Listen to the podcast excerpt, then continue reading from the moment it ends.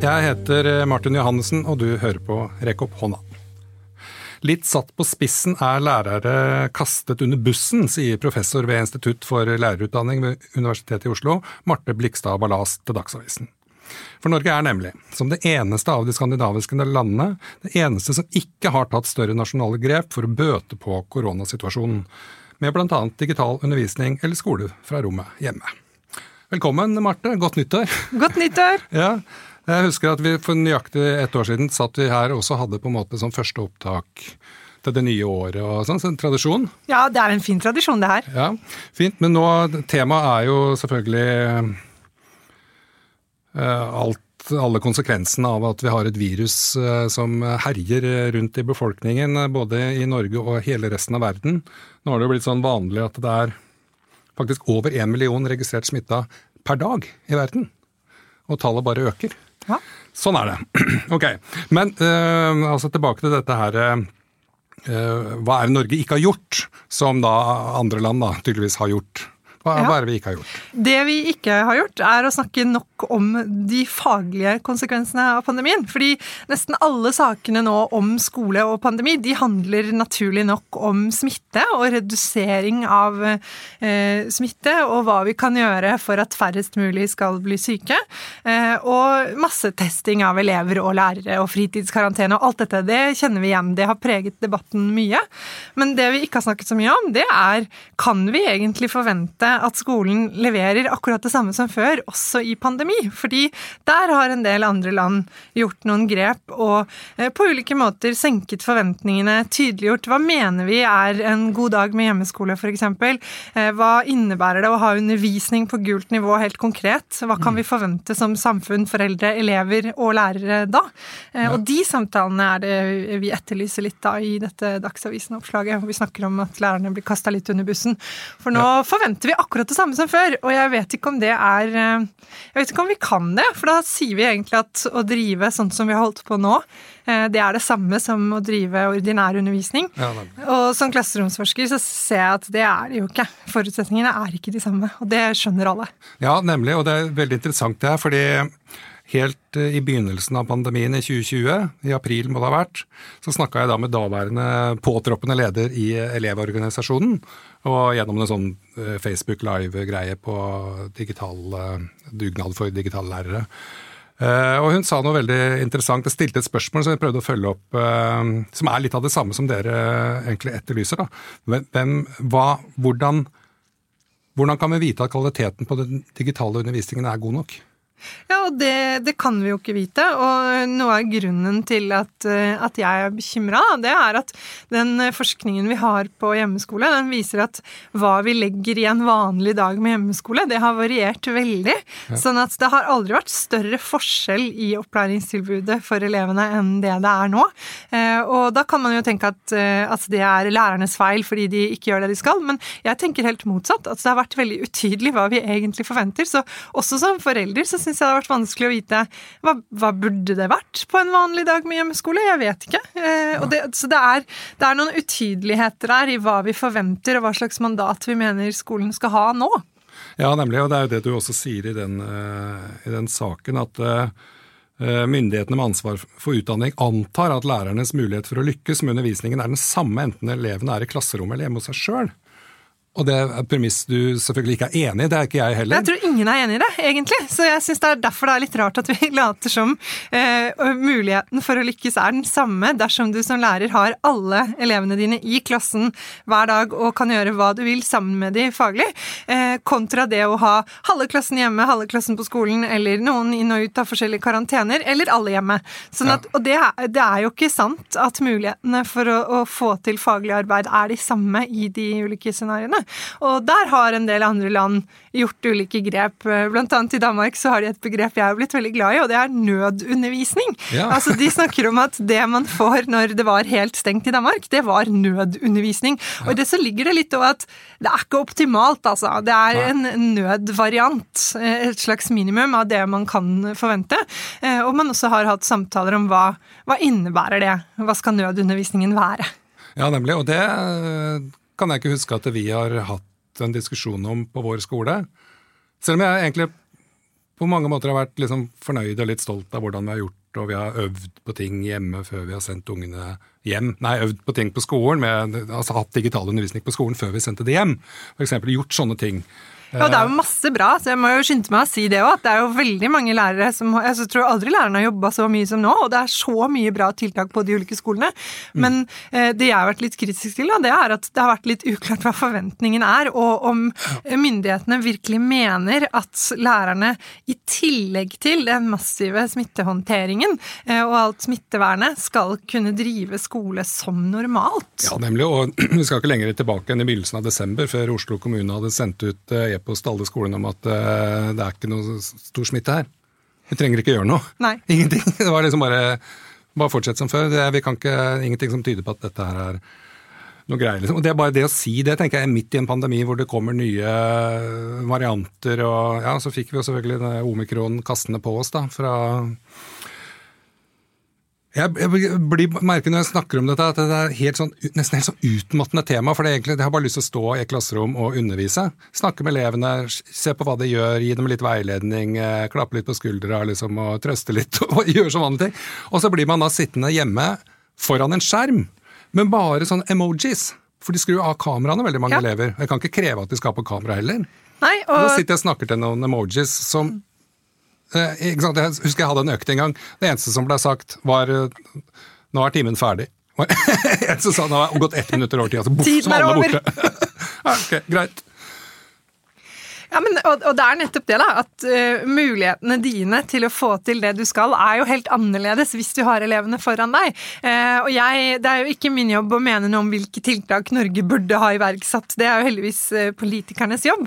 Men vi har jo en del oversikter etter hvert som viser at andre land har tolket dette litt annerledes, fordi de har sagt noe om hva er det aller viktigste når det først er en sånn nødløsning. Eh, Er det noen fag vi skal prioritere? Er det et minimumsantall av timer vi skal være på skolen hver uke? Skal vi rullere hvem som får komme? Altså at man har vært tydeligere på hva man forventer.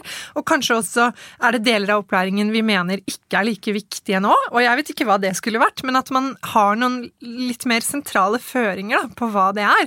Fordi eh, blant annet den undersøkelsen vi har hatt om hjemmeskole, viser at hvor mye tid man har brukt som elev på skolen hver dag, har variert veldig. Hvor mye oppgaver man har gjort på en uke, har variert veldig. Hvor mye man har sett læreren sin, har variert veldig. Og hva slags oppfølging man har fått eller ikke fått, har variert veldig. Eh, Og det er et ganske stort problem. Også fordi ingen kan svare på hva, hva burde man kunne forvente av hjemmeskolen. Men tenker du sånn, eller jeg tenker i hvert fall i mitt stille sinn noen ganger, at politikerne har ikke den kompetansen som skal til for å egentlig sette i gang noe tiltak heller? I skolen?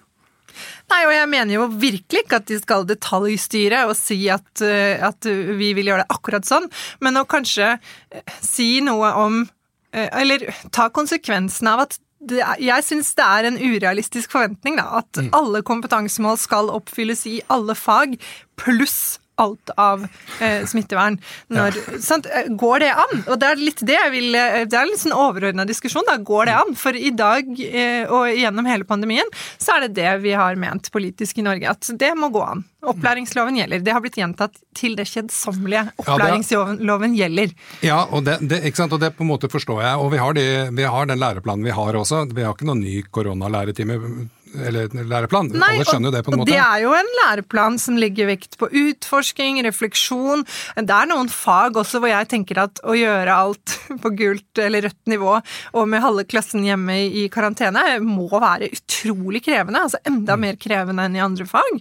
Så, så det er litt de, de faglige konsekvensene. Hvordan tilpasser vi skolen til en pandemisituasjon? Det er litt den diskusjonen jeg Ja, nemlig. Og, litt. tenk, og det tenker jeg det er veldig fint at dere, på en måte du og Kirsti Klette, Mm. også snakker om i det her, sånn, liksom, som er den pedagogiske samtalen om hva skolen skal være når vi har denne pandemien. Og at det mer av ansvaret burde bli lagt til skolene, tenker jeg. Og at vi ikke skal sitte og vente på hva politikerne skal si som vi kan være uenige i, eller enige i, eller i hvert fall begynne å krangle om, for det gjør man jo hver gang. Ja, og der har jo skolene gjort ulike ting. Så det er jo noen skoleledere som har, og noen ulike lærerteam på ulike skoler som har gått gjennom sammen og definert hva mener vi at hjemmeskole skal være, hvordan skal vi strukturere det, skal det være fast oppmøtetid hvis det er heldigitalt f.eks., mm. Eh, og bare det at det på noen skoler har vært fast oppmøtetid nærmest hver time, mens på andre skoler har det vært kanskje mulighet til å være med en gang i uka, eller ja. Det er ganske radikale forskjeller da, i hva slags opplæring eleven får. Ja, og, og da blir det mye sånn uforutsigbarhet og usikkerhet både hos, hos lærerne, men, eh, men, også hos elevene. Hva er det som gjelder nå? Ja. Får jeg fravær? Tenker eleven eller tenker læreren skal jeg, skal jeg føre fravær? Nei, nå er vi på gult nivå, da skal vi ikke det. Hæ, var ikke det bare på rødt? Mange sånne mm. altså Den trafikklysmodellen, da, som jo også Nå er det det vi har, så det er på en måte den Vi må jo forholde oss til den, men kunne det vært noe annet istedenfor en trafikklysmodell, tenker du? Jeg vet ikke. Altså, jeg, jeg syns det er veldig vanskelig å, jeg, å anbefale konkrete eh, alternativer. Men jeg, jeg, tror jo det hadde vært bra med noe mer føringer på hva som gjelder over litt lengre tidsspenn. For jeg tror jo det mange lærere forteller om også, er jo at det er veldig frustrerende med disse raske skiftene fra det ene til det andre, og at man ikke vet helt hva som gjelder i morgen. Mm. Mm. Det er jo det. Altså, øh, det debatteres jo, og, og lærerorganisasjonene også mener jo selvfølgelig øh, mye om dette her. Og Skolenes landsforbund de mener at vi skal ha rødt nivå til, for alle, til alle er vaksinert. Rett og slett. Uh, vi vet jo også at det er vel bare én av fire lærere som har fått tredje dose. Og fordi de var så treige med å sette andre dose, så må man vente fire og en halv måned før tredje dose. Så alt dette bare skyver seg utover våren. Mm. Uh, Elevorganisasjonen sier at uh, rødt nivå er en dårlig idé, for, for det har for store konsekvenser for elevene.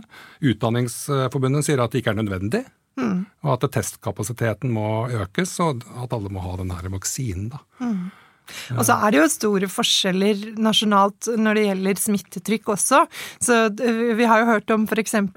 små steder med elever på yrkesfag som går glipp av praksis nå, selv om de har levert negativ test, og selv om de tre andre på den arbeidsplassen hvor de skulle hatt praksis, også har levert negativ test, f.eks., hvor det er minimalt med smitte i den kommunen. De, når det er på en måte rødt nivå og man har bestemt at alle f.eks. skal være hjemme og alt skjer digitalt, mm. så får det jo veldig store konsekvenser for enkeltpersoner. Så jeg skjønner skjønner skepsisen mot på en måte nasjonalt rødt nivå. Men det er jo altså, kunnskapsminister eh, Tonje Brenna sier at uh, understreker ofte at uh, rødt nivå er ikke det samme som hjemmeskole?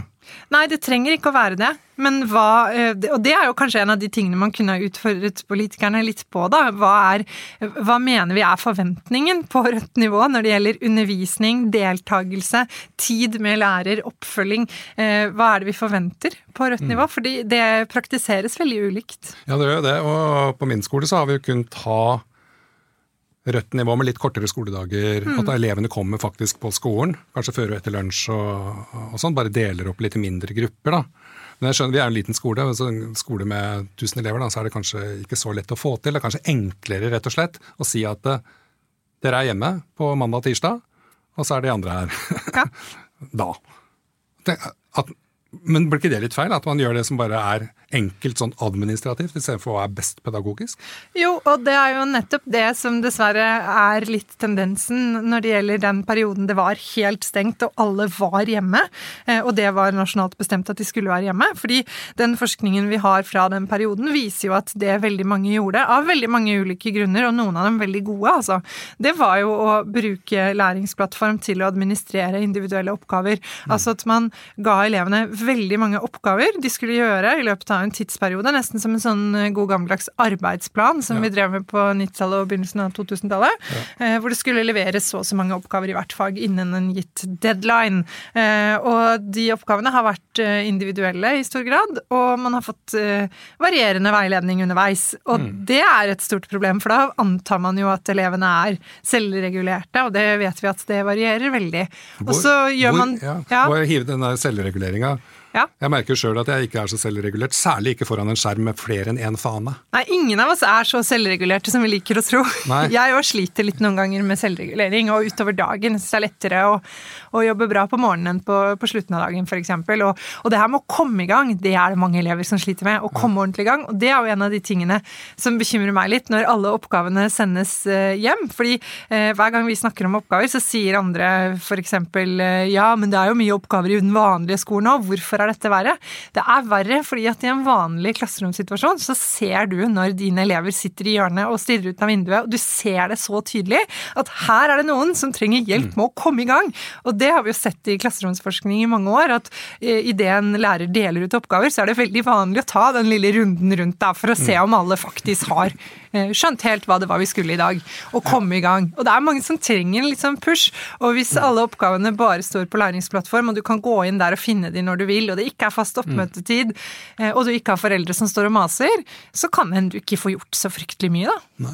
Men vi faktisk erfarte at eh, noen ganger så var det bedre å lage gruppeoppgaver. Ja, Gruppeoppgaver skulle jeg ønske at vi hadde sett mer av. Ja. Vi har jo en undersøkelse hvor vi har spurt foreldre om å fortelle om hva som har vært vanlig praksis på hjemskolen for deres barn. Og eh, gruppeoppgaver og samarbeidsoppgaver er kanskje noe av det vi hadde håpet at det hadde vært litt mer av, nettopp fordi det var mens elevene var helt isolert. Ja, ikke sant? Ja. De hadde en oppgave som eh, Eller liksom valgting, da, men de i hvert fall endte på noe som hadde med søvn å gjøre. Så var det fire stykker som skulle ha den eh, oppgaven. Skulle gjøre et, eh, et eksperiment. Og det de gjorde, det var at de skulle døgne. Åh, Selvfølgelig. Kjempespennende. Og så spilte de inn en liten videosnutt for hver time. Alle fire på den gruppa, så sydde de sammen til en video. Og det er noe av det bedre skolearbeidet jeg har sett på, på ganske lenge. altså. Jeg vil tro elevene elsket denne oppgaven. Ja, Ja. Skal jeg fortelle om en de elska enda mer? Ja. Det var en sånn skriveoppgave hvor de, som egentlig tok utgangspunkt i at de skulle være Det var i forbindelse med OD, eh, og da var jo ungdom i Sør-Afrika som var tema. Så uka før så hadde jeg hatt en oppgave eh, som gikk ut på at de skulle skrive et dagboksnotat til en person. De fikk utdelt en bilde, det var seks forskjellige bilder som de da kasta terning om hvilke bilder de fikk. Da kunne det være gutt, og fikk en jente, liksom.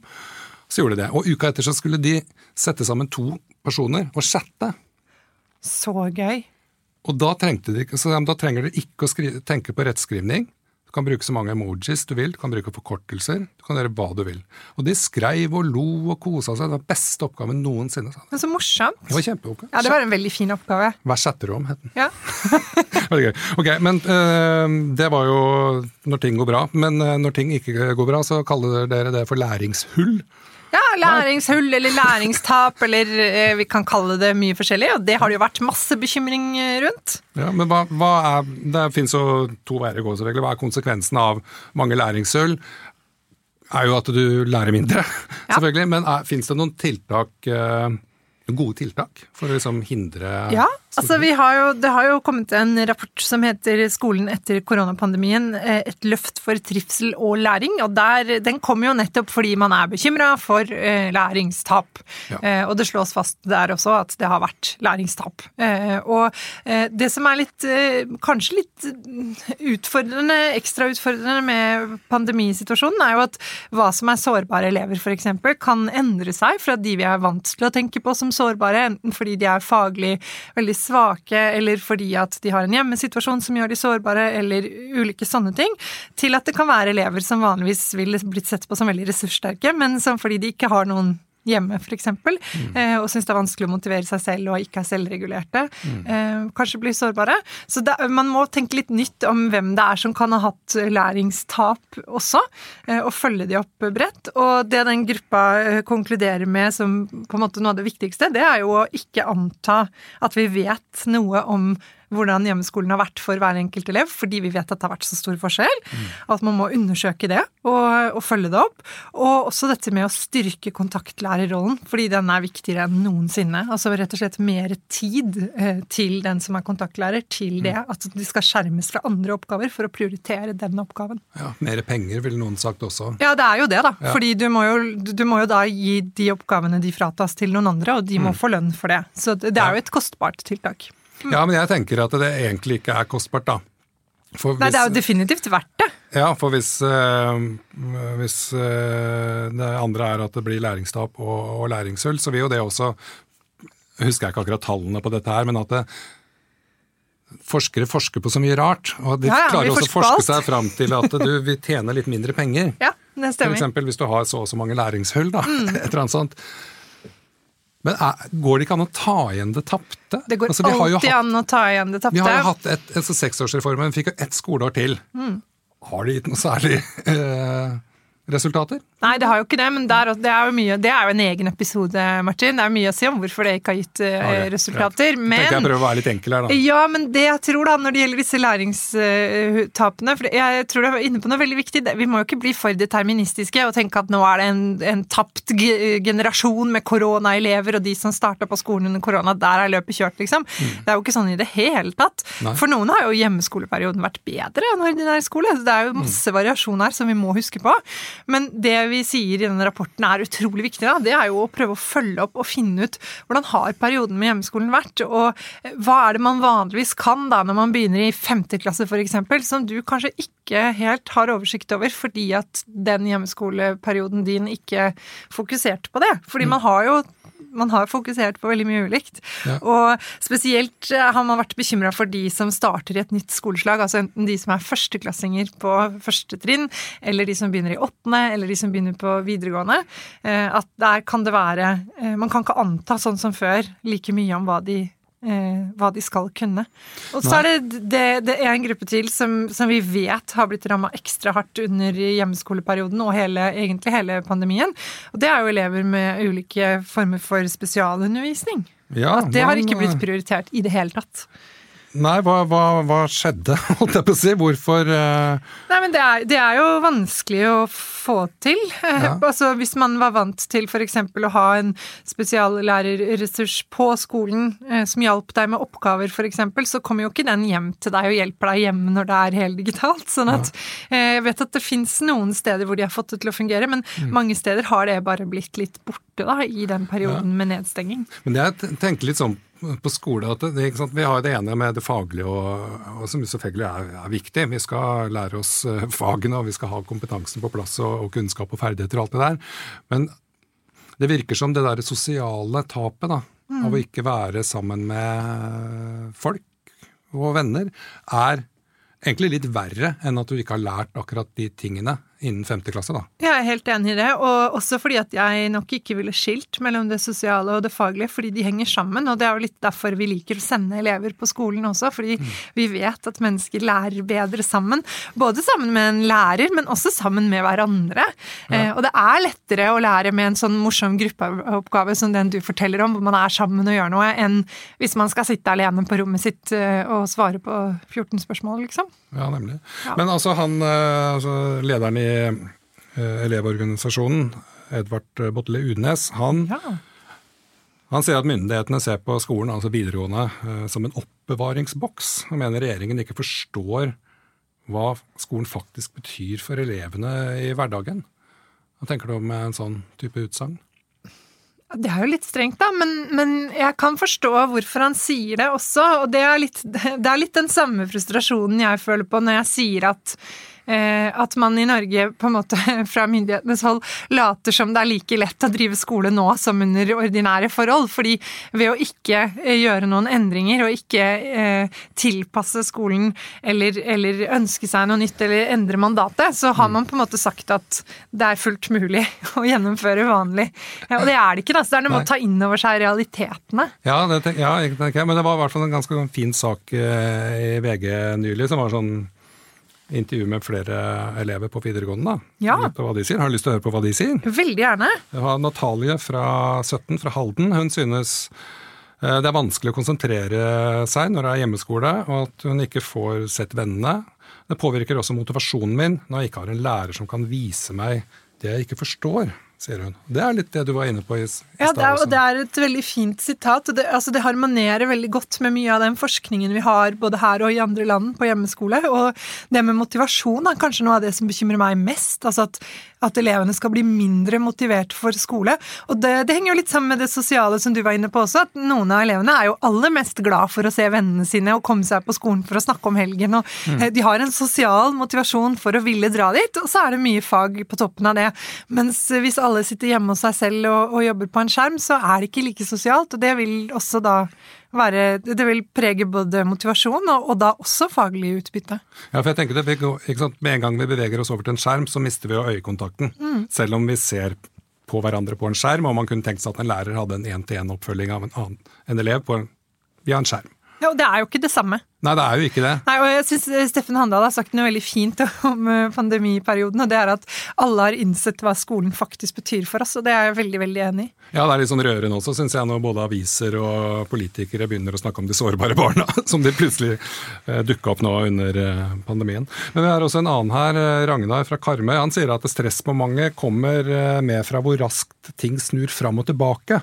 Dagene blir uoversiktlige og uforutsigbare, og kvaliteten på undervisningen samt motivasjonen hos både elever og lærer er noe redusert, sier han. Ja. Er ikke det på en måte jo, det, er, det han, Ragnar har jo helt rett. Eh, det er jo, det, og det er den derre eh, slitasjen. Man snakker jo om det også, litt sånn pandemislitasje, at vi er lei. Eh, og det, altså, lærerne har jo all grunn til å være kanskje mest lei av alle omtrent, sammen med helsearbeidere, fordi man har stått i disse endringene hele tiden, hver dag. Og det er jo mange lærere som forteller at du, de får beskjed nærmest sånn kvelden før, ikke sant. Plutselig ble det digitalt allikevel, og man kan jo få testresultater som gjør gjør at man plutselig må ta det hjemmefra selv, eller at halve klassen er borte, eller Det er mye endringer hele tiden i disse rammevilkårene, da. Og da er vi jo tilbake litt der vi starta, med at rammevilkårene er annerledes nå. Det er ikke like enkelt å drive god undervisning når det er sånn. Nei, nemlig. Og det er jo det også. Det er Lucia er 17 fra Oslo som sier at det er frustrerende å plutselig venne seg til nye rutiner, og samtidig opprettholde det akademiske nivået. Ja, det er kjempekrevende. Jeg skjønner jo det. Jeg er jo helt enig i det. Ja. Men det tror jeg alle voksne føler på. at det er, det er vanskelig. Det er kjempevanskelig. Men ok, nå veit vi det. At det er vanskelig, og at vi trenger noe. Eh, hvordan skal vi få alt dette på plass som vi trenger?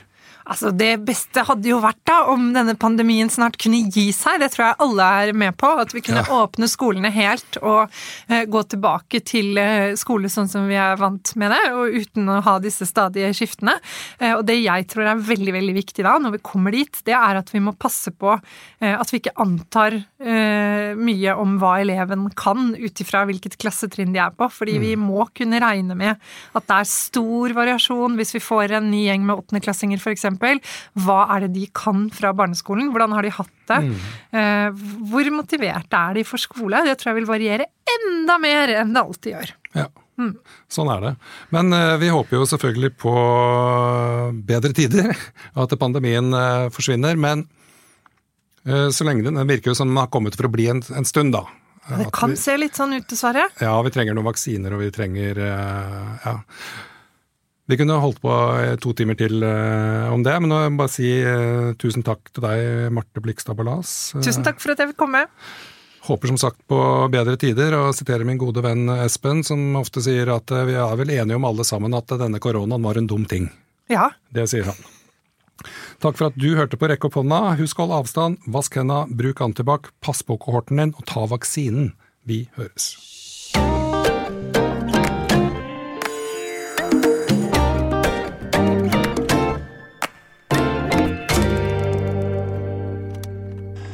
tudo seja